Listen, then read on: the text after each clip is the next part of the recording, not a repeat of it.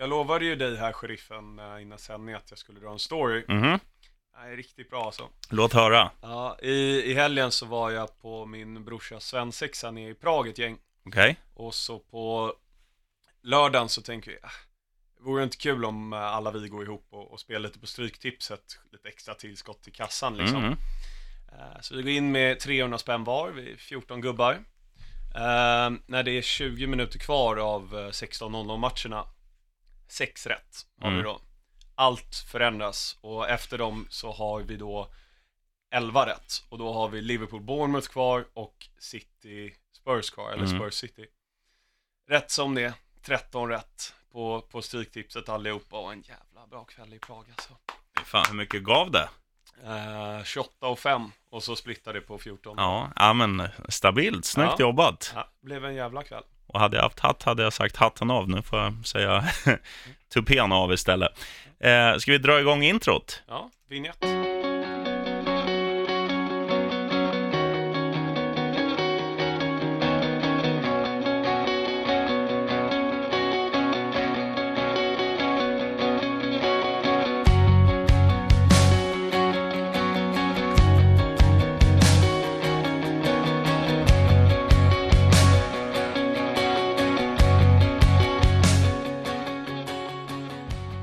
Måste ju nästan börja prata om Pep Guardiola och City som eh, säkrade titeln här i söndags efter Man Uniteds debacle hemma mot West Brom. Eh, enastående säsong.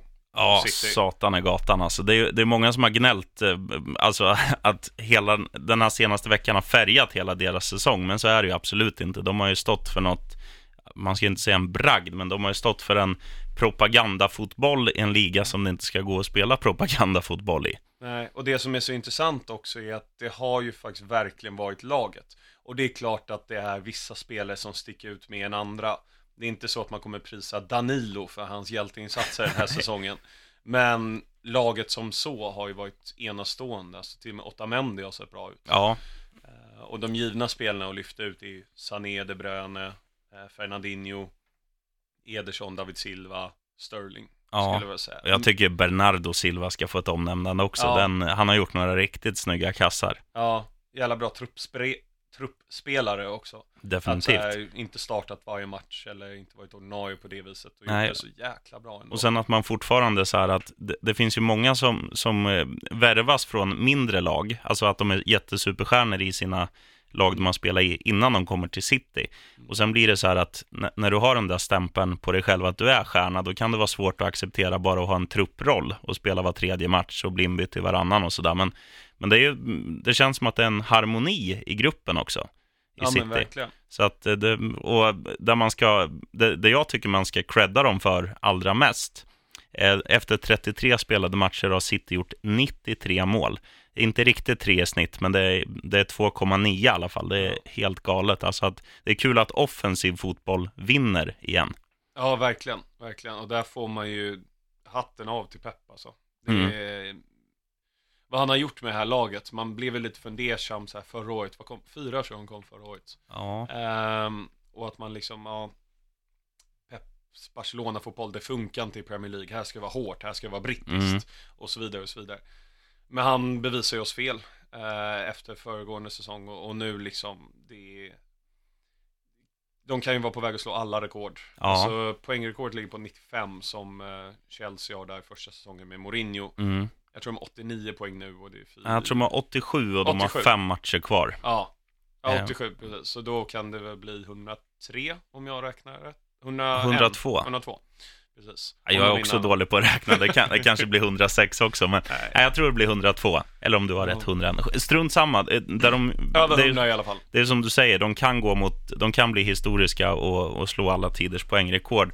Och sen vore det kul att se lite så här om de, om de också har slagit alla tiders målrekord i, i modern tid. Det, för det känns inte, om man tänker tillbaka på Premier League, att något lag gör så mycket mål som City har gjort. Nej, jag tror de, de är på väg att slå målrekordet också om Mm. de fortsätter i det här tempot. Jag tror det var Ancelotti under Chelsea när han vann 29-2010 Okej. som drog något, alltså jag tror 102 mål eller Okej. någonting. Så att Ja. det, där, det där kommer ju City slå. Ja. Eh, utan några större konstigheter. De är ju inte kvar i några turneringar. Eh, de åkte ju CL förra veckan och FA-cupen är, är ju inte de med i längre heller. Så att de har ju bara ligan att fokusera på. Mm. Och jag tror att Pep resterande laget är så pass inriktade på tävling att de vill slå de här rekorden. Ja, de kommer definitivt. inte lägga sig platt och bara det här är lugnt nu, nu chillar vi liksom. Mm. Utan tvärtom.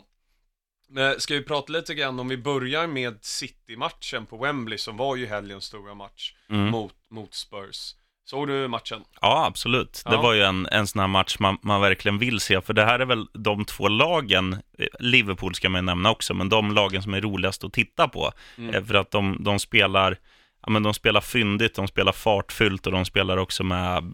Väldigt synkroniserat, Ja. allihopa. Och, och det är liksom inte defensivt tänk först i något av de här lagen, utan de satsar på att vinna på att göra fler mål än motståndarna, vilket är kul. Mm. Men man såg ju redan första anfallet där, man, eller man fick en liten feeling att, jag, jag trodde ju, eller vi båda snackade om det, att vi trodde ju Tottenham skulle vinna den här matchen. Mm. Och de var favoriter, sett till oddsen, hemmaplan, Citys dåliga vecka, allting. Men redan efter, ja vad hade det gått, tre, fyra minuter när Sterling snurrar lite på kanten, drar en lyra till Sané som klipper på volley i stolpen, då kände man så här, ja men City har vaknat på rätt sida. Och sen, de dominerar ju matchbilden. Det här är ju också, alltså två lag som, som normala, i normala fall äger bollinnehav, eh, styr matchbilden och allting. Och det var ju, Tottenham hade ingen chans. Nej, nej verkligen. Eh, Jag såg ju bara bitar av det här. Det var ju 2045 matchen. Mm. Och Eh, lite dimme var det förmodligen också då. Vi, lå- vi låter det vara osagt, men vi kan väl lägga ihop ett och ett. Ehm, men i och med att det här var sista matchen då på den här stryktipsraden som vi drog i introt och jag berättar för dig här så man hade ändå lite koll på det här under middagen och liksom eh, Ja, de det tog ju längre tid än vad vi trodde efter att ha sett hur City inledde, precis som du säger, att de spräckte nollan då Mm. eh, genom eh, Jesus var det, Ja, och lite för enkelt. ja, kanske. Ja men kompani, eh, liksom en långboll över backlinjen och var väldigt högt uppe där med backlinjen. Mm. Sen, om man ska försvara Tottenham lite grann, 2-0 målet där som Gundogan är väl som sätter Ja. straffen. Det är ju inte straff. Nej, den det var, den var hårt möjligen rött dock på Juris, in med, med sulan liksom. Mm. Han, är, ju- eh, han tar ju honom utanför. Ja, Och där, man kan ju inte ha en liksom hundra pannor tung domare som ska, med de här två lagen. nej. Alltså möter Stoke West Brom, ah, ja, ja, men då, Ja. då köper jag det. Då har man ju det. Men John Moss heter han va? Mm. Man ska ju ha någon som har åtminstone lite löpkapacitet Mm. även på domarteamet där. Ja, absolut. Men sen, är, sen, sen vet inte jag där hur eh, det här de använder ibland. Eh, ja, det, det har ju för sig, är bollen inne eller inte? Men, men det skulle ju också bli lite tråkigt om, om varje situation blir rätt dömd. Det är ju fortfarande en liten tjusning att gnälla lite på domslut och sånt där, tycker jag. ja. Den mänskliga faktorn får inte försvinna från fotbollen.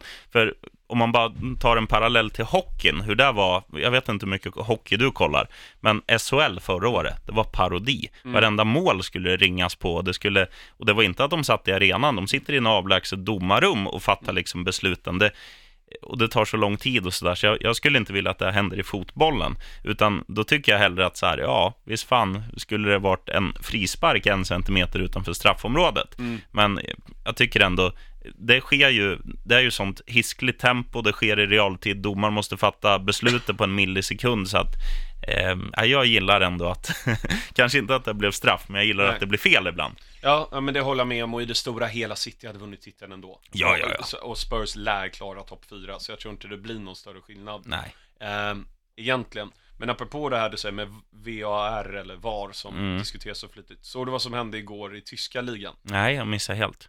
Tror det var Freiburg mot Mainz.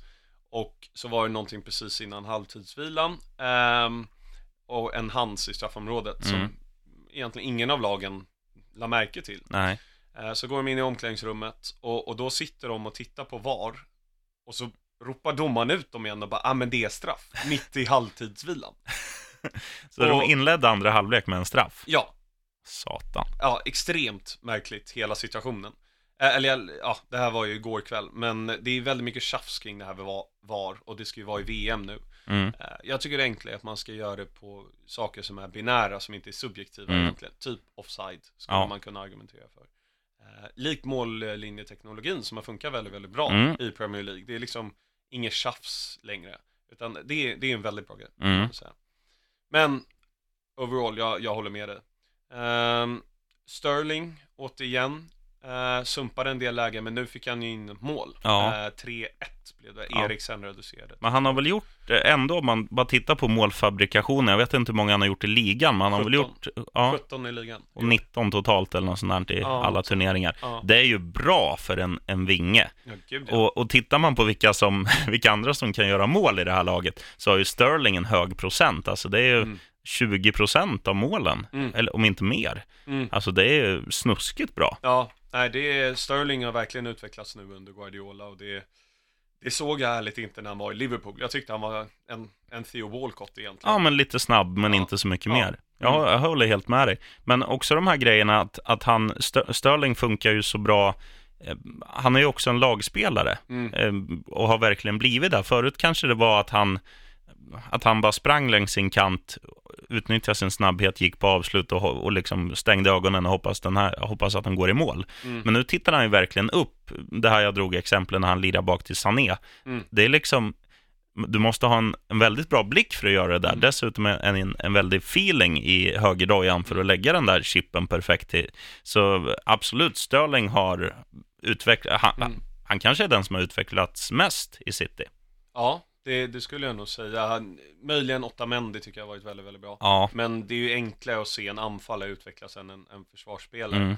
Och kan även tillägga där med Sterling hur han utvecklas. Att man märker ju spelet utan boll. Mm. Hur han löper, får med sig försvaret för att öppna upp för Agüero eller Jesus eller De Bruyne eller vem nu det är.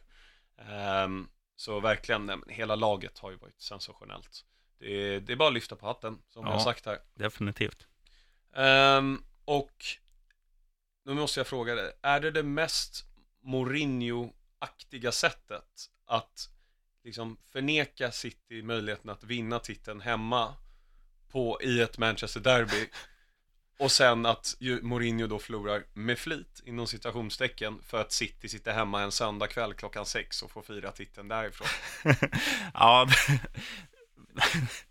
Nej, du sätter fingret på spiken där. Det, det skulle ju kunna vara eh, en, definitivt en, en liten kupp, alla Jönssonligan från José Mourinho, att det här ska hända. Jag är svårt att jag är svårt att se att de lägger sig, att, eller att de har fått instruktioner att lägga sig hemma mot West Bromwich. Mm.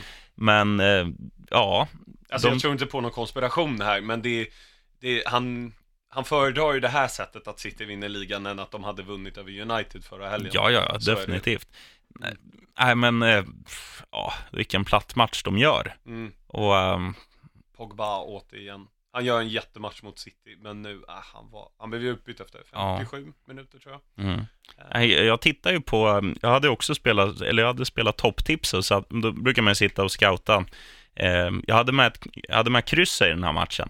Och då brukar man sitta och scouta lite laguppställningar och så här. Och när jag såg att eh, Manchester United, till skillnad från Arsenal, som spelar, de kanske spelar dagen efter, eh, United spelar ju med nästan bästa möjliga trupp. Mm. Och hur man förlorar mot Bromwich är en gåta. Ja, och nu, Framförallt med hur, hur de har sett ut. ja, ja, men verkligen. Och innan vi går in på kanske prata lite om West Brom så såg jag nu att eh, de möter ju Bournemouth imorgon, det är ju så här veckoomgång. Mm. Eh, och eh, eh, Mourinho har sagt att om inte de spelarna som var dåliga, typ Pogba, Herrera också som blev utbytt, så, så kommer inte de få spela i fa Cup semin i helgen mot Spurs. Okej. Att, ehm, mm, vi får väl se där, men ja, West Brom, det kommer troligtvis inte göra någon skillnad, men det här är ett tecken på att Alan Pardew är världens sämsta manager.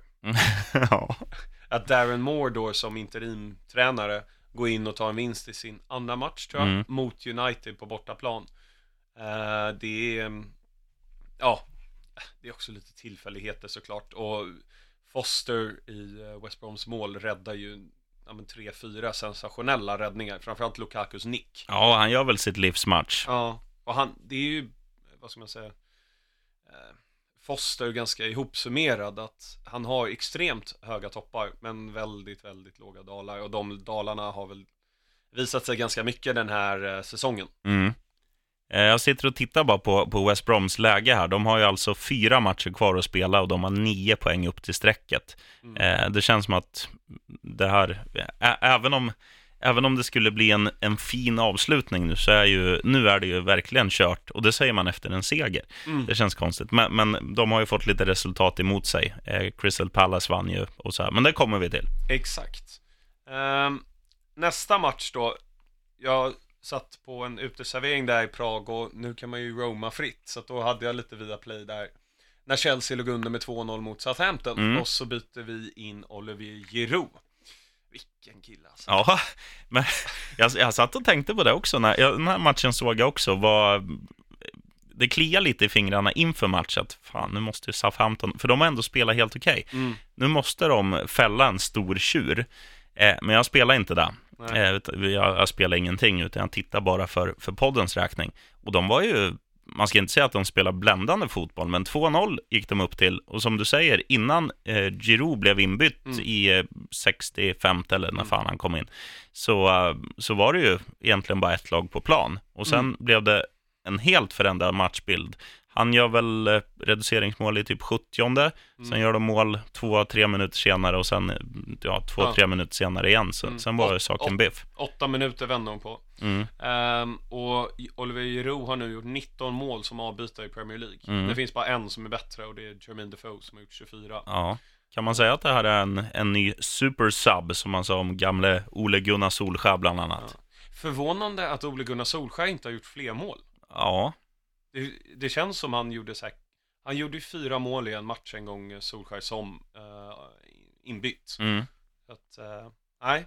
Men kan det inte vara det att, att Solskär också, att han blev inbytt en gång, fick det epitetet och sen startade han en majoritet av matcherna? Eh, Och det är det man undrar nu med Giroud, för att Morata var inte bra i den här matchen. Liksom, kommer Giroud starta nu? Kommer han vara bra då? Eller Mm. liksom, Chelsea möter ju Southampton nu till helgen i, i fa Cup-semi. mm.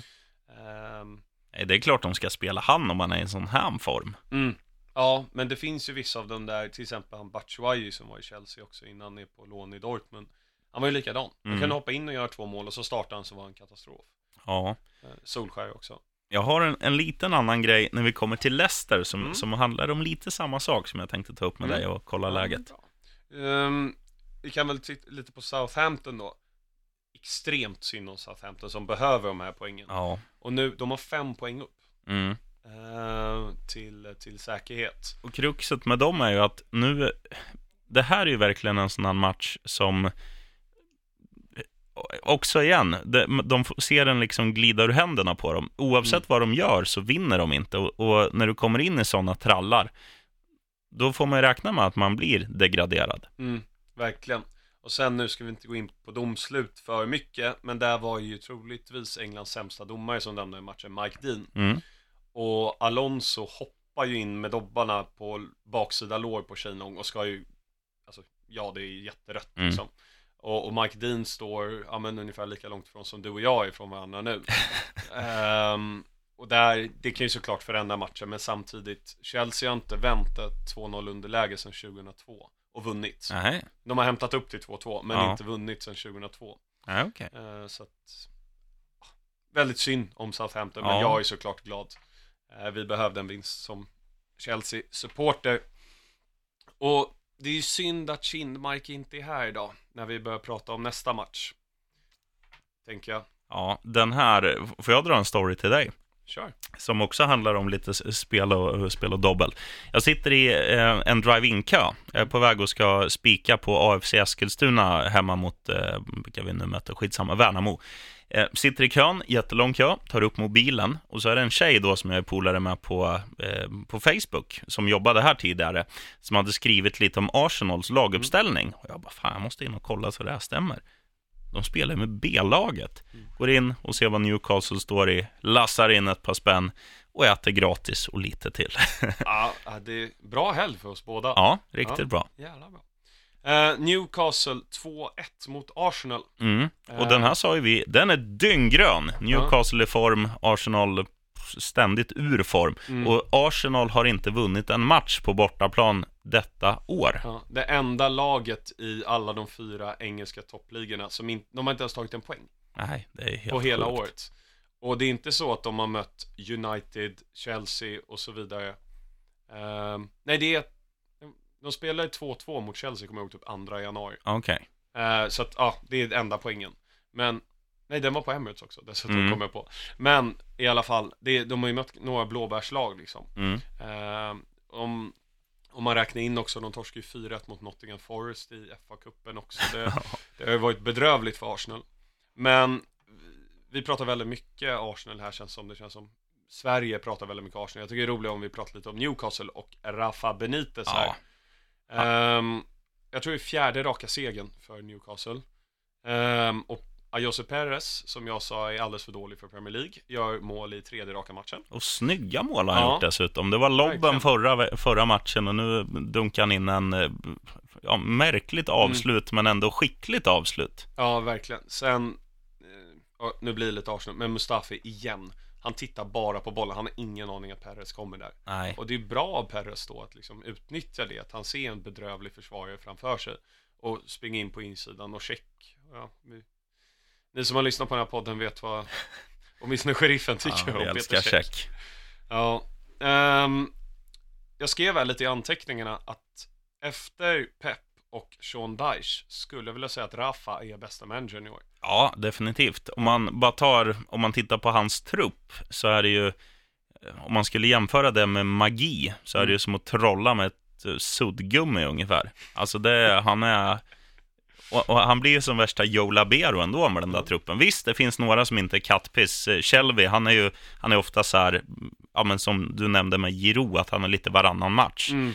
Eh, sen tycker jag Chelsea-lånet där på, på vänsterkanten, brassen som jag inte kommer på namnet nu. Kennedy. Ja. han, han tycker jag är, ganska duktig och sen finns det några, finns några spelare som, som Lascelles håller... är ju bra. Ja, ja, ja. Men eh, så, det finns Mm. ju spelare som håller Premier League-klass, men det är ju ytterst få i detta Newcastle-lag som skulle kunna spela i ett lag Mm. som ligger på övre halvan. Absolut, de har ju varumärket också och arenan, jag tror de tar 52-53 tusen Ja. på St. James's. Det hela handlar för Newcastle, det är ju hur de nu ska etablera det, precis som du säger. Att Mike Ashley måste sälja klubben i sommar. Mm. Han måste göra det. Och det har ju varit hon Amanda Stevely från eh, någon grupp som bland annat skötte transaktionen mellan City och Arabemiraten där för Okej. tio år sedan. Och, och att hon med hennes företag i ryggen är intressant att köpa här Mm. för runda slängar 300 miljoner pund. Det är Eh, ett par spänn. det är ett par spänn. Eh, och Mike Ashley vill ju ha 350 eller något så här. I, i sammanhanget betydelselöst. Mm. Eh, för att Newcastle, man gillar ändå dem. Mm. Eh, De har haft många fina spelare genom Premier League-eran och inte minst Alan Shearer. Eh, Så jag tycker att det vore kul om de verkligen etablerar sig. Och man gillar det här lite roa också. De säger ju att Newcastle, det är, det är en stad som... Alltså dit ska man ju åka om man, om man gillar fabriker och Mm. betong och, och smutsigt tegel. Och tjejer som kör lastbil och, och har trippla priller under läppen liksom. Och det är också, ehm, vad ska man säga, inspelningsplatsen för den legendariska filmen Goal. Om du Ja, kommer ihåg den. ja, ja, ja, den är... Santiago Munez tror jag han hette. Mm. Som kom där. Ja, Det kom väl också någon trea där han var i Real Madrid va? Som ja, var exakt. skitdålig. Ja, den är... Se inte den, men se, se de Ja, första den- två, de är helt okej. Mm.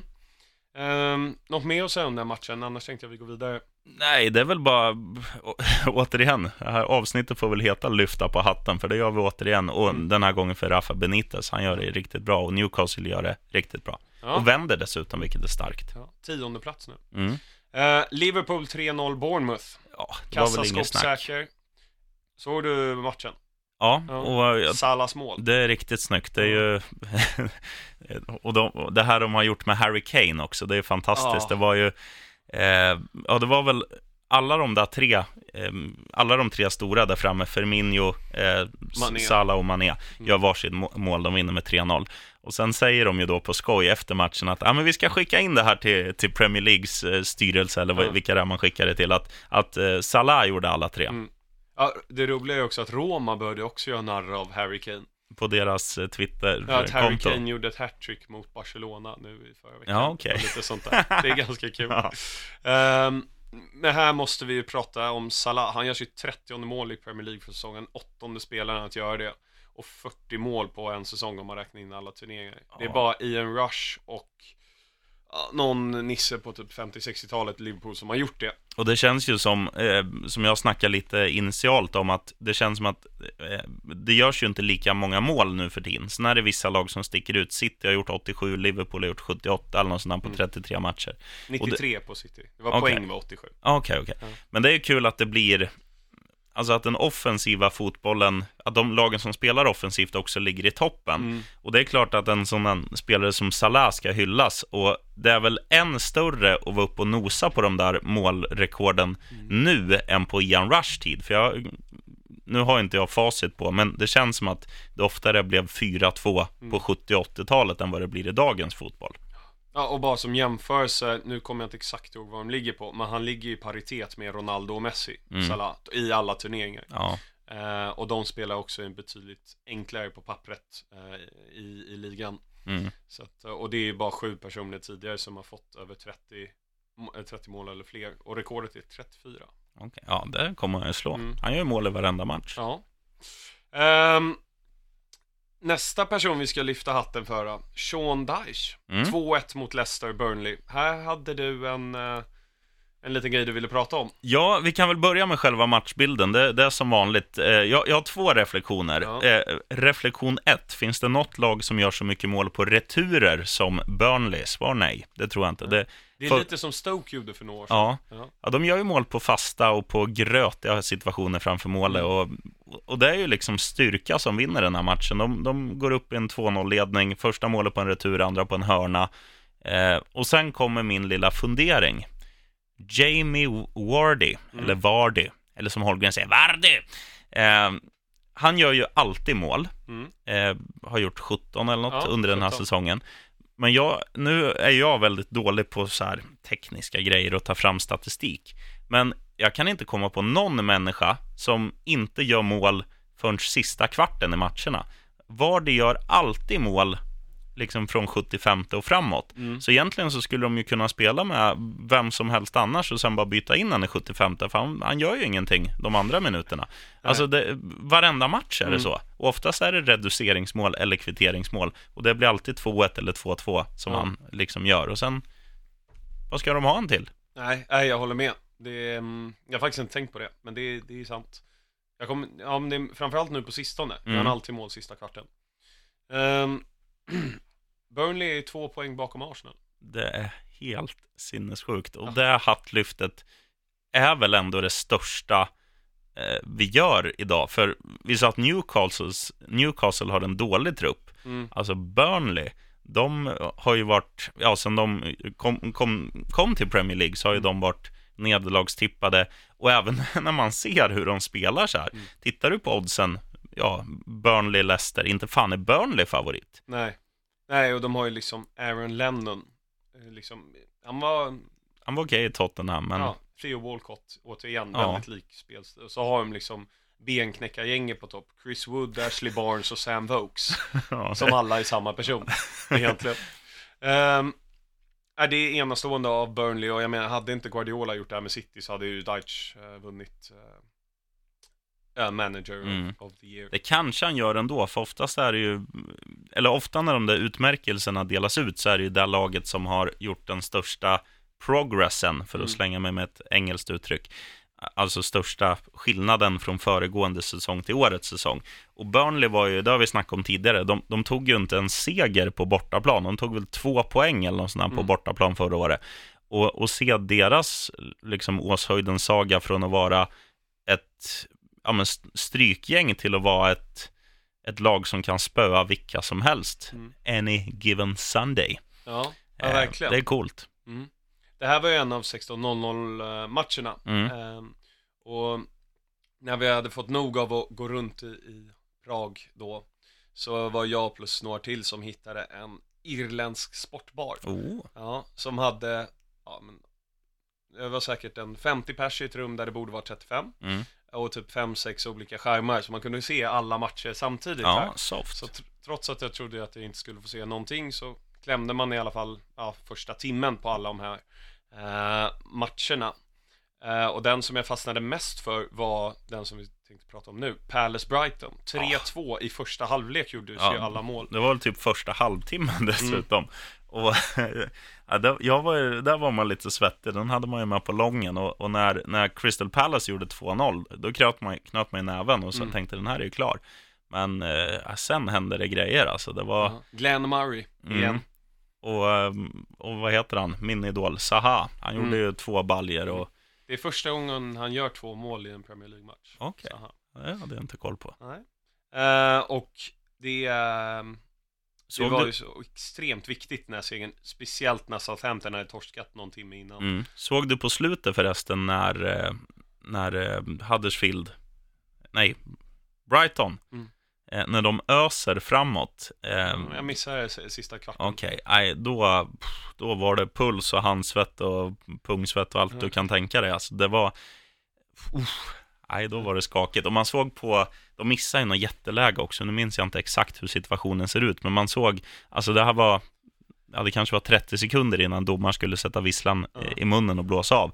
Och man ser liksom Roy Hodgson, eh, som är van att få alla sådana här situationer under året emot sig. Mm. De har tappat ledningar till förluster. Eh, de har fibblat bort, oav, eller, ja, de har fibblat bort oavgjorda resultat eller fibblat bort ledningar till oavgjort. Och man bara ser att han, han tittar, han är helt liksom blank i ögonen. Och han, han bara tittar och typ, vad fan var det som hände? Ja, Ja. det som hände var att ni vann, jubla istället Roy, som du gjorde när du var i Fulham. Ja, nej. Um, Huddersfield nämnde du här, men eh, 1-0 gör de mot Watford i 91 med deras första skott på mål. Uff. Återigen en viktig seger för dem i bottenstriden. Det Ja. var ju verkligen kämpigt för Southampton och som var inne på att förlora just den här matchen när Huddersfield vinner, när Palace vinner. ehm, och Och Swansea tar en pinne. exakt mot Everton. Ehm, vi kan väl gå vidare till den, den var ju så extremt tråkig den Ja, matchen. Det känd, alltså Everton för ett par år sedan tyckte jag spelade väldigt eh, rolig fotboll. Det var ju när de hade Ross Barkley, när Mm. han var, Bra, ja, han, liksom. han ju tidigt. Det var väl när han var typ 21-22 han var som bäst. Mm. Och också de här ytterbackarna som då alltid fyllde på i anfallen, Coleman och vem var Baines. högerback? Baines ja. Eller tvärtom, Ja. Coleman höger, Baines vänster. Ja men de hade ju, eh, de var roliga att titta Mm. på tyckte jag, men nu, nu har de tacklat av helt. Det är, Mm. väl, det är sömnpiller varenda vecka. Verkligen. Hörde du vad Allardyce sa efter matchen? Nej. Att han har varit en sensation för Everton i år och lyft dem till nya höjder. avgå. Det är ju den enda som ska få godkänt i det där laget är ju nyförvärvet, turken Toxun. Ja, Han är vass, men annars Mm. är det, usch. nej. och Tom Davis gillar vi också. Ja, han är fin. Ja. Korta strumpor. Sista matchen spelades ju igår då. West Ham mot Stoke. Mm. Finns det två mer brittiska målgörare än Andy Carroll och Peter Crouch? Ja, Och- eller nej, det är, svaret är nej. Och ingen av dem gör mål med huvudet, utan båda med fötterna. Ja, Det är imponerande. ja. Eh, Crouch är nu Stokes bästa målgörare någonsin med 44 mål. Det är bara John Walters hade 43. ja okej. Ehm, och såg du matchen? Nej, det gjorde jag faktiskt inte. Jag var, och vad gjorde jag igår? Jag gjorde någonting. Ja. Jag Jag, jag, jag såg highlights bara, men uh, Harts agerande på Crouch mål. Berätta. Men det är lite grötigt i straffområdet och uh, Shakiri skjuter från typ straffområdeslinjen och det är en liksom du och jag hade räddat den där Okej, liksom. Ehm, men Hart fumlar med bollen och Crouch hoppar på och sätter den liksom. okej. Så han, han, han ska inte med till VM. Nej. Ja, det får han inte göra. Ehm, och, och Stoke då som får målet emot sig. Eh, Crouch tar ledningen i 79 och, och West Ham kvitterar i 90 Mm. Det är väldigt synd om Stoke som behövde det där. Då Ja. hade de varit två poäng från säkerhet. Nu är de fem poäng. Mm. Det är ju alla, alla de här lagen där Sex nere i botten, de, de har ju en förmåga i år. Mm. de enda som nu den här veckan då lyckades hålla i, eller ja, vi- vissa lag vann ju. Men eh, alltså det är verkligen så här, de, har så svårt att hålla ledningarna, de här lagen som verkligen behöver poängen. Mm. Det blir ofta bara en pinne då. Mm. Och, och det kan ju vara det som kommer stjälpa dem. Jag vill ju inte att Stoke ska åka ut, för det är ju det är ju det mest brittiska av brittiska lag. Mm. Alltså vi nämnde att Burnley spelar gammal Stoke-fotboll. Men, Ja. men man tänker ju fortfarande Stoke, kraft, huvudspel och sen Rory Delaps gamla inkast. Ja. Nej, verkligen. Nu tänker jag att vi går vidare till vad hände sen? Åh, oh, vad Ja. hände sen? Det här är en person som vi har nämnt tidigare i podden. Mhm. Ehm, Men jag tänkte vi gick inte in tillräckligt med i detalj. Gibril Cissé. Ja, DJ CC, Ja. som vi till och med har döpt ett avsnitt till. Exakt. Ja, eh, jag tog med honom för två anledningar. Eh, Den ena är att, ja, han är DJ nu, bara det. Och sen, han är ju väldigt känd för sina frisyrer och vi vet ju hur mycket du gillar att prata om fotbollsspelares frisyrer här Ja, ja. i PL-podden. Absolut. Så, vad minns du bäst av Cissés hårfrisyrer? Om vi formulerar om frågan lite. Ja, jag minns ju framförallt att han, han ofta var blond och ofta gjorde lite som Pogba har börjat gjort på slutet, att han rakade in mönster. Så här, det kunde vara någon stjärna här och det kunde vara någon text där och det kunde vara eh, som att han hade fått rivmärken. Och sen har jag också för mig att han, han också laborerar mycket med sina ögonbryn, att Mm. även de var blonda ibland och ibland ha, eh, gjorde han att han eh, skar upp eh, lite så här så han skulle se extra farlig ut. Eh, det du då? lyckades väl ibland. Ja, ja.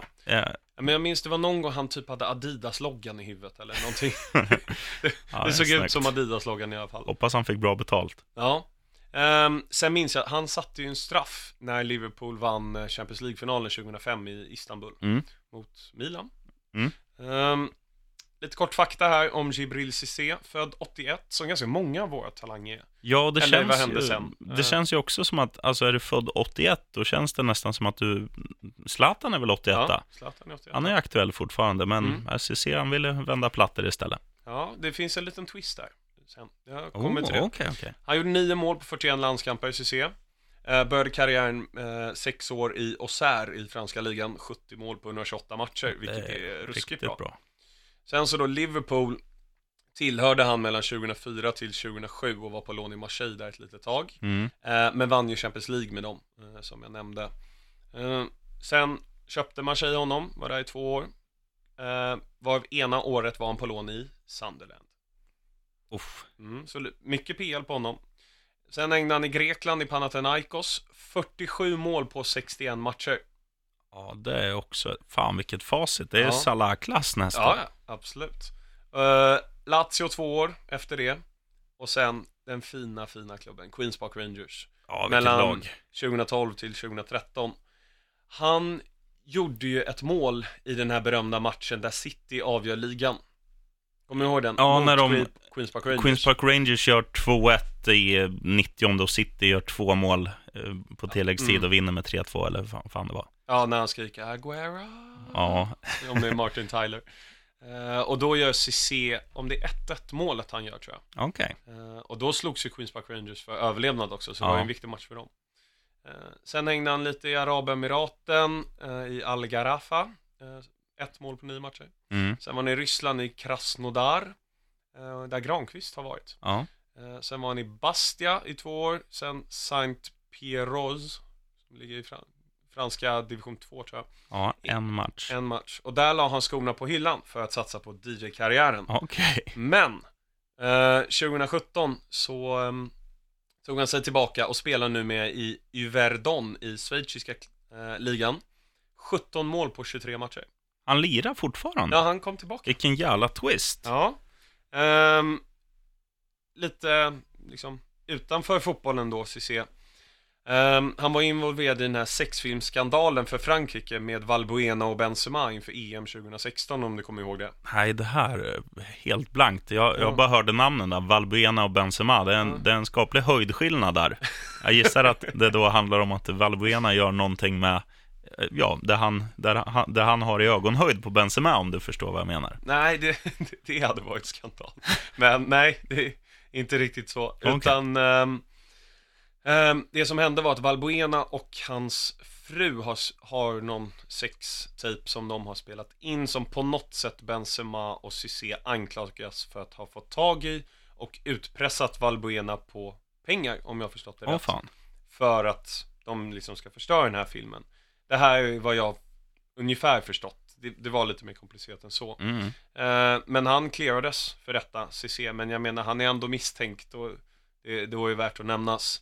Givet. Ja. Han hade en cameo-roll i franska filmen Taxi 4. För Om mig du- som inte kan film, vad är cameo? Cameo, alltså en eh, liksom liten roll där han bara var med, kanske Okej. som statist eller Och inte att han spelar sig själv. Eh, jo men det är det menar, han spelar sig Okej. själv i den filmen. Eh, sen har han varit med i Dancing with the Stars i Frankrike. Deras motsvarighet i Let's Dance, Ja, man väl säga. Och så har han startat ett eget klädmärke som heter Mr. Lenoir. Där måste man ju spana in. Han har ju, han har ju lite samma style som Pogba även till kläderna. Det ska gärna spexas lite. Och det fanns ju en annan dårfink också som, eh, eh, som eh, också är aktuell ständigt fortfarande. En italiensk man som heter Mario Balotelli.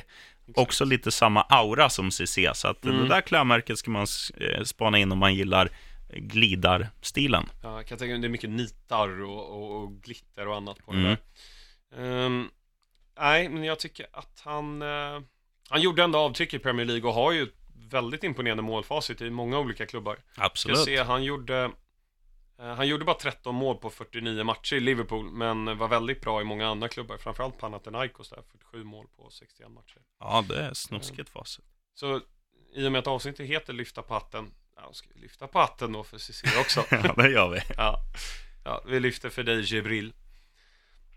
Nästa segment då, All-Star 11. Vi är framme vid sista spelaren. Ja. Eh, vi har Schmeichel i mål, Danny Mills, Sol Campbell, John Terry och Ashley Cole i backlinjen. Beckham, Scholes, Gerard, Damien Duff på mittfältet och så valde vi Henri. Nu är det en andra anfallare som ska in här. Och Det finns väl bara en, eller det finns väl några som kan nämnas. Eh, en vi glömde nämna helt förra veckan, eh, som jag tycker, eller som jag blev lite förälskad i när han kom fram som väldigt ung och sänkte Argentina i nå, eller han gjorde i alla fall mål och sen sänkte Argentina England sedermera. Eh, Michael Owen, ja, han, han ska väl nämnas. definitivt. Eh, Robbie Fowler. ja. Han är väl mest känd för sin målgest där när Ja. han snortar sidlinjen. Eh, Men det finns väl som du säger egentligen bara en och Mm. det är ju Milan Baros. Ja, givet.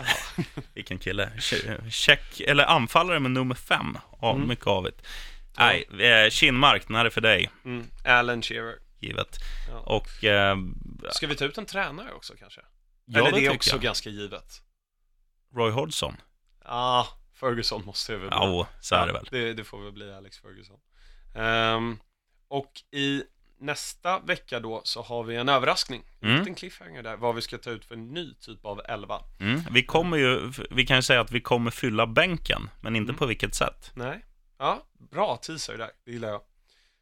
Um, poddfavoriten Jeff Lindqvist har ställt en fråga här. Härligt Jeff. Yes. Det är bra Jeff, vi, vi uppskattar det. Det är en ganska lång fråga, eh, så vi får se hur mycket vi hinner och, och, och ta med. Men om vi skulle ta rollen som tränare för Liverpool, Man United, Spurs, Chelsea, Arsenal och bara kan köpa två till tre stycken spelare. Vilken eller vilka positioner i respektive lag hade ni stärkt för att kunna hota City nästa år? Ska vi ta varannan? Att, eh, jag börjar med Manchester United, för det här är ju en copy-paste på det jag sa förra veckan. Ja. Alltså kreativa, eller en... eh, Låt Pogba vara kreativ och ta in en ny Michael Carrick, det är ju en. Sen ska de definitivt ha en ny inneback, för att eh, Bailly är bra, men sen är det alltså Småläng, eh, oavsett vad de spelar bredvid. Nu avgjorde ju Småläng mot City då Mm. förra veckan, vilket är bra, men eh, annars är han ju inte speciellt bra. En han- riktigt bra mittback, och sen skulle jag också vilja ha in eh, jag tycker att Antonio, eller An- Antonio Valencia eh, antingen att peta honom, alltså en ny högerback, eller en ny vänsterback, eller vänster wingback, där Mm. nu Ashley Cole, Ashley heter han inte, Ashley Young heter Ja. han. Eh, någon av dem också, Mm. puff, och sen är det ett okej lag. Ja. ja, men summeringen där är väl att det är defensiven som inte sitter. Ja. Du tar ju bara en defensiv mittfältare egentligen och, och sen så backlinjen. Mm. Man såg ju det nu, det var väl Småling och eh, Lindlöf som då inte kunde hålla nolla mot West Brom och förlorade då Ja. dessutom.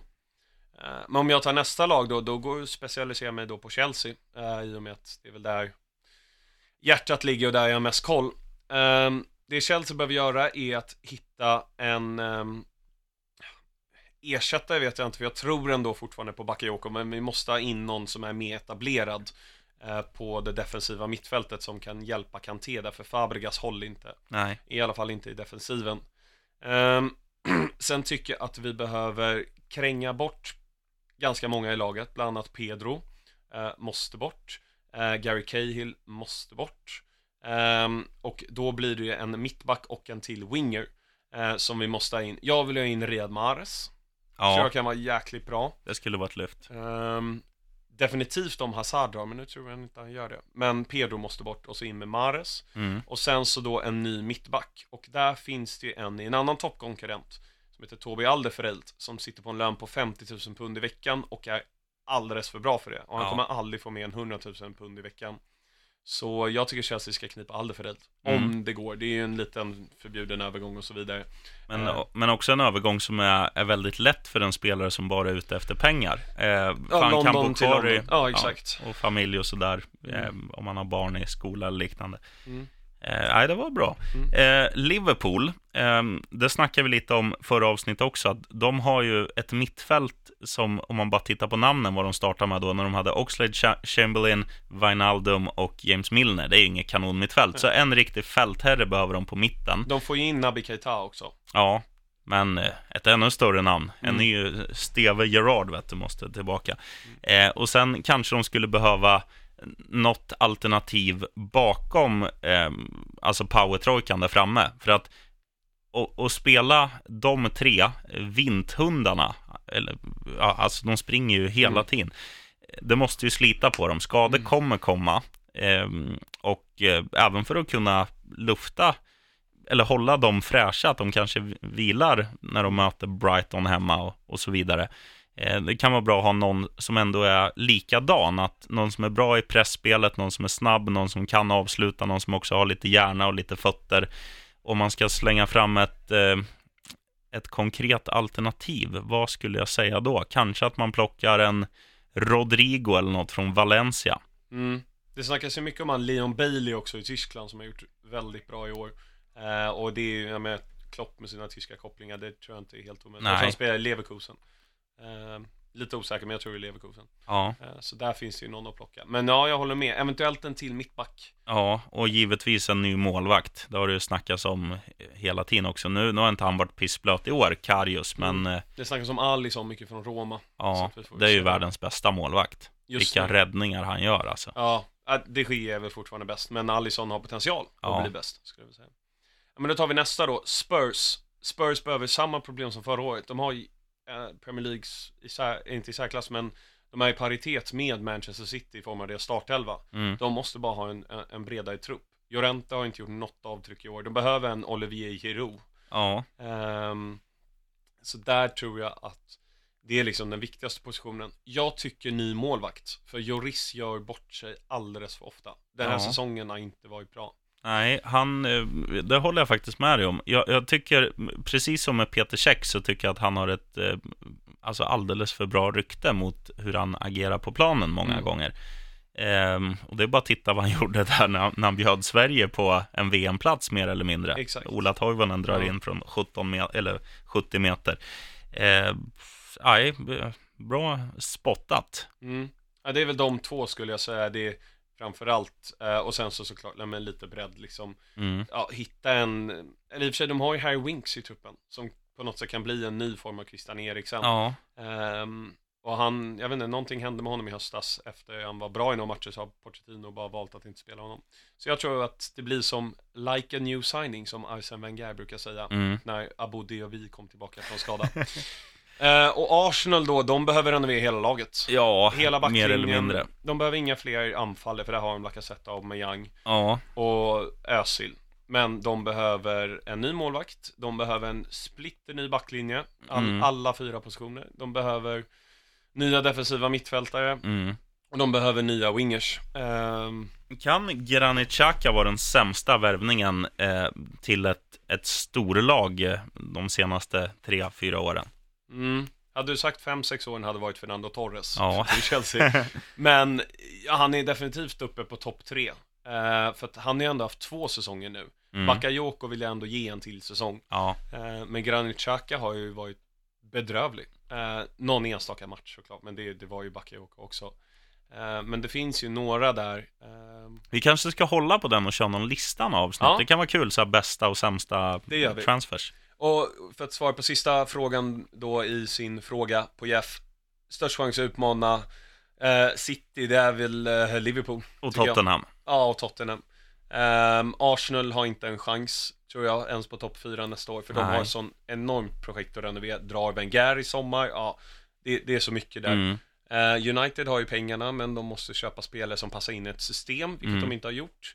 Eh, Chelsea genomgår någon form av liksom transformation för tredje året i rad. Det, Conte lyckas vinna förra året, i år är det för dåligt. Abramovic är snål, det är mycket fel i ledningen och så vidare. Så att, Och lite för ålders, ålders, eh, di, åldersdigert, vad svårt det Mm. var att säga då, eh, i Chelsea. ja, De och- skulle behöva, alltså så, som du säger, det finns ju vissa, de har det här spannet, eh, alltså om man tar Cahill och typ Christiansen och sådär, man skulle vilja ha någon mitt emellan åldersmässigt. Inte någon som är valp på plan och inte någon som är, skulle sitta i All- rollator. Allerföräldt, Ja. till exempel. Ehm, nej, och bo, både Chelsea och Arsenal har ingen aning vart de är på väg. Eh, s- Liverpool och Tottenham är ju på väg åt något väldigt, väldigt positivt Mm. och har tränare som har varit där i åtminstone några år, som man inte bara vaskar hela tiden och, och, och lutar åt något väldigt, väldigt positivt. Vilka har mest ekonomiska muskler, tror du? Ehm, I transfermarknaden? ja, Liverpool. ja. Eller ja, av Liverpool och Tottenham. För Spurs också, han är så extremt snål, Daniel Levi som sitter där som styrelseordförande. Så han, ja, jag tror inte alls de har de musklerna. Plus Nej. att Liverpool har fortfarande kvar en del från Coutinho. De har redan säkrat Naby Keita. Eh, så att det där, Men jag, jag tänker Liverpool. lite så här att eftersom att Tottenham inte värvar, eller har knappt värvat någonting Mm. senaste åren. Det är ju alltså sådana som är tacksamma att ta in på en låg budget. Vi säger Fernando Llorente som ett Mm. exempel. Eh, sen är det ju många egna talanger och sådana som, som har blivit stjärnor. Eriksen exempelvis som Mm. kommer från Ajax som, som en talang. Han har ju blivit en stjärna i Tottenham.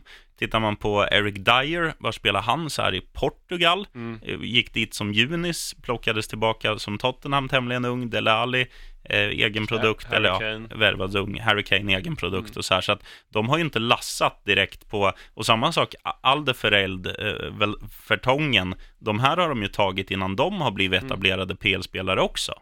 vad tror du om att Spurs värvar Marcus Rashford i sommar? Det hade varit väldigt varit fint. spännande. Det, för jag tror att han kan vara sugen på att gå. Så Ja. länge Mourinho sitter vid rodret. Ja, han får ju inte chansen som, som han förtjänar. Men uh, silly season kan vi prata mer om, även fast det är jag som tog upp det. Uh, prata mer om i sommar. Ska vi snacka gatlyktor istället? Ja, jag tänker vid det här laget så behöver vi inte gå in och förklara egentligen vad stoppljuset är. Jag tänker att nu är det väl, vad är det, åttonde, nionde avsnittet Ja, någonting? nionde tror jag. Ja, nionde. Och så hade vi en pilot också. Ja, Ja, så att eh, de flesta vet vad det är som gäller, men ja, grönt, gult eller rött eh, på diverse olika matcher och i och med veckomgång så är det många matcher att gå igenom nu. Ja, men det är kul också att det är... Alltså veckoma- veckomatcher, jag tycker det Jag föredrar det framför med. lördag och söndag. För nu har man ju nu har man faktiskt någonting att göra varje kväll istället för att beta igenom så här Farmen VIP, Biggest Loser och Ullared. Farmen VIP är ju Glenn Hysén med i och för sig. har du sett något avsnitt? Nej, jag ser bara reklamen lite då och då för. Jag såg igår när han högg ved. Ja, Riktigt stark. ja det borde vara ett eget program. Glenn Hysén hugger ved. Ja, eh, första matchen som är ikväll då, Brighton Spurs. Jag har ju triple captain på Kane, eh, i och med att det är dubbel omgång nu. Okej. Eh, gick åt helvete i lördags eh, och nu hoppas jag ju att Spurs gör fyra mål, alternativt förlorar stort för då har Chelsea chans på att ta fjärde plats. Mm. Vad tror du? Nej, ja, jag tror den här är dynggrön. Ehm, nu vill ju, det City gjorde med Tottenham, vill ju Tottenham göra med Brighton, alltså ta revansch efter en svag insats. Exakt. Så jag tror ju att eh, de kommer mönstra starkast möjliga elva och gå för tre och ta Mm. tre. Nästa lag som kanske behöver revansch, Bournemouth mot Man United och det är United jag tänker på i synnerhet där. Jaha, jag tänkte något helt annat. Nej, Ja. jag skojar.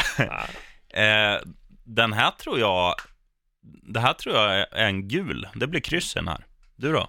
Ja men det är bara att hålla med. Det är, um, det är svår arena att komma till ibland, Bournemouth. Mm. Eh, så jag tror att, eh, precis som du säger, att gul. Och de är också ett lag som aldrig anpassar sig efter motståndaren, utan de spelar sitt eget spel vecka efter vecka. Och, och det brukar aldrig generera segrar mot topplagen, men det, de brukar kunna ta ett kryss här och där. Mm. Nästa match är ännu svårare att avgöra. Burnley-Chelsea. Nej, det är bara för att vi håller på Chelsea. Den är grön, eh, fast eh, åt Burnleys håll. Ja, att Burnley är favorit. Ja. Det är helt sinnessjukt att Burnley är favorit. Ja, nej, det kan de kanske inte vara. Men eh, då säger jag dyngröd då, för jag tror Burnley vinner. Ja, jag tror tyvärr också. De har fem raka nu. Mm. Och brukar ha ganska lätt för Chelsea senaste två år. Ja, de har inte Mm. spelat Premier Ja, League de så länge. spöar ju dem eh, på öppningsdagen på Stamford Bridge med Mm. 3-2. Så det är mycket möjligt att de vinner den.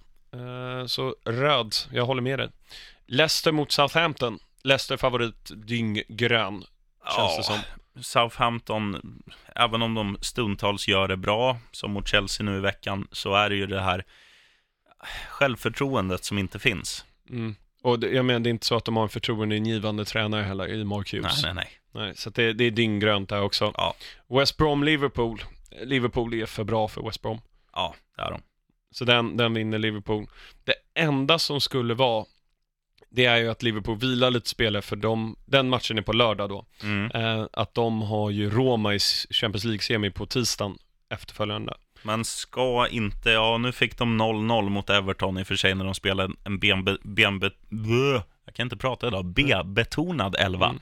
Eh, mönstrar man samma lag mot West Bromwich, jag tror ändå man vinner. Mm. Ja, så är det nog. Och jag tror ändå att Salah kommer spela. Han var ju lite småskadad mot Everton då, i och med målrekord och annat. Mm. Så tror jag han kommer säga till Klopp att äh, men jag vill spela. Och då, Ja. då vinner de. Så den bör vara grön ändå. Mm. Watford mot Palace. Ja, den här är väl så gul som den kan bli. Ja. Typisk kryssmatch. Mm. Saha gör ett mål och de, Watford kvitterar i 89 Mm. ungefär. Och vem gör målet? Jo, Mr nummer nio. Vad heter Troy han? Deeney. Troy Deeney, ja. Eh, Arsenal mot West Ham. nu, nu är det väl dags för dem att vinna. Jag, jag, jag har ingen aning. Varför mönstrar de ett så dåligt lag i helgen? De var i Moskva i torsdag, så det enda jag kan komma på. Ja, och spela 2-2. Mm. Özil spelar inte va? Nej, Han ska ju gifta sig med en svensk tjej i sommar. Han kanske var provsmakar tårta eller något. oh. Det vet man aldrig. Undrar om han byter namn då, att han kanske heter Mesut Johansson till nästa år. Vi får väl se. Nej, men eh, alltså spelar Arsenal ett, ett skapligt lag så ska de ju slå West Ham för att nu är det ju, visst, allt kan hända i ett derby, men ett derby gör ju också att spelare som i normala fall kanske går på 80% går på 100 och då är ju Arsenal bättre än West Ham. Eh, Aubameyang är bra, eh, det tror jag räcker, att han, Mm. att han är bra. Han gör två och West Ham gör ett, Arsenal vinner. Mm. Eh, Stoke Burnley. På söndag tror jag den är. Jag lämnar Eller- över den här till dig. Burnley. 2-1. Ja, varför borta. inte? Ja, och de är favoriter så det blir en grön där. Och samtliga tre mål i den matchen på fasta situationer. Och då gör Chris Wood ett, Sam Vokes ett och Ashley Barnes ett. Ja, Det blir väl så. Man City Swansea, supergrön eller? ja 5-0. om de inte har krökat i en vecka nu och, och kommer dit och, och spelar mm, på dropp. Ja, men jag tror då slänger de in reservlaget och vinner ändå. Ja, det ska de ju göra. Jo, den Jag är tror grön. att Yahya Touré kanske får spela den här matchen. Ja, det, vore hade, härligt. det vore väldigt kul. Uh, Everton Newcastle, Mm. Ehm, 1-1. Tror jag. Ja, det känns ju också som en typisk sån gul match, Mm. kryssmatch. Eh, men skillnaden är ju att de här lagen, Everton har man ju blivit besviken på och Newcastle har man blivit imponerad av. Så, det, så kryss 2 lutar det ju mer åt i, Mm. i min bok. Mm. Ja, det är bara att hålla med. Eh, så, ja men gul, får vi Mm. väl ändå säga. Ja, absolut. Ja. Eh, Sen har vi FA-cupen, semifinalerna. På lördag så är det Spurs mot Man United. Ja, Svårtippad. ja både, både ja och nej. Det beror ju lite på eh, kanske hur Tottenham gör i veckan, vad de kommer med för självförtroende. Skulle de förlora nu ikväll, eh, så, så har ju de ett sargat självförtroende om de, om de inte skulle spöa Brighton borta. Men i en sån här match mot United, eh, jag har svårt att se Tottenham förlora. Den, den kommer ju spelas på Wembley också, eftersom att Mm. semifinalerna spelas på neutral plan, sägs det, men eh, Tottenham är ju skrivna på White Hart Lane fortfarande. De, den kommer spelas på Wembley, jag har inte hört något annat i alla fall. Mm. Och eh, ja, men de är vana med atmosfären, de är vana med omklädningsrum, med gräset, eh, lutningen, allting. De, Mm. de kommer vinna. Så de får väl ändå anses som lite favorit på något sätt. Det är de. Ja. Och sen Southampton-Chelsea. Chelsea favorit. Och jag tror där kommer han säkert vila spela Mark Hughes i och med att ligan är viktigare. Ja, Och Southamptons första elva är inte jättebra. Nej. Då tror jag att andra elvan är ännu sämre. Den, den ska ju vara grön, men det kan ju bli det här som, som inträffade med, eh, vilka var det då? Som, som eh, typ, ja de vann väl kuppen och åkte ur ligan. Ja, Wigan. Wigan, Mm. stämmer, det var nyligen dessutom. Mm. Eh, det kan ju bli en sån grej också, att man vill, eh, att, att de tänker att en titel skulle ändå rädda anseendet hos Mm. fansen, lite party i stan för en kväll och sånt där. Tänker man så, visst, då går man väl all in. Eller det gör man väl i alla situationer. Mm. Alltså du måste, göra, du måste ju gå för att hålla kvar i ligan och du måste gå för att ta en titel. Det är klart Chelsea vinner den här matchen om de kommer upp i sin normala kapacitet och eh, Southampton gör detsamma. Mm. Men eh, nej, fan, jag är inte lika säker som du. Jag Nej. säger, jag säger gult. Ja, jag får väl hålla med där. Ehm, det hedgar mig också lite från att jinxa. Ehm, ja, det var slut på stoppljuset och slut på avsnittet. Mm. Långt avsnitt idag. Ja, eh, mastigt. Eh, Mm. Nu är jag dålig på huvudräkning, men dryga timmen tror jag vi ligger upp mot. Mm. Ja, men det gör vi nog. Eh, och eh, vad skulle jag säga, ehm, du som undrar varför Kinmark inte är här, vi får se om han kommer återkomma eller om vi kommer komma eh, tillbaka nästa vecka med besked om en framtida medkompanjon. Det, ska, det tisslas och tasslas lite om diverse möten som ska äga rum. Mm. Vad jag har förstått så är din hund Rogga som är med nästa vecka. Ja, han är given. Ja, han är given. Ruff Fulham, säger han. Eh, följ oss på eh, Twitter At PL-poddens. och gå gärna in i eh, det här som heter Podcaster. Eh, Där man kan, man kan lyssna i I like, I like Radio också. Och Men, Acast. eh, ja, så gå in och ge oss en liten eh, recension, konstruktiv kritik, betyg, säg något positivt, något negativt, eller om du bara har positiva grejer. Säg bara de positiva. Skriv av det i alla fall och betygsätt så man kommer upp på de där listorna lite. Ja. Ja. Du, bra jobbat Axel. Bra jobbat, sheriffen. Tack för idag. Right on!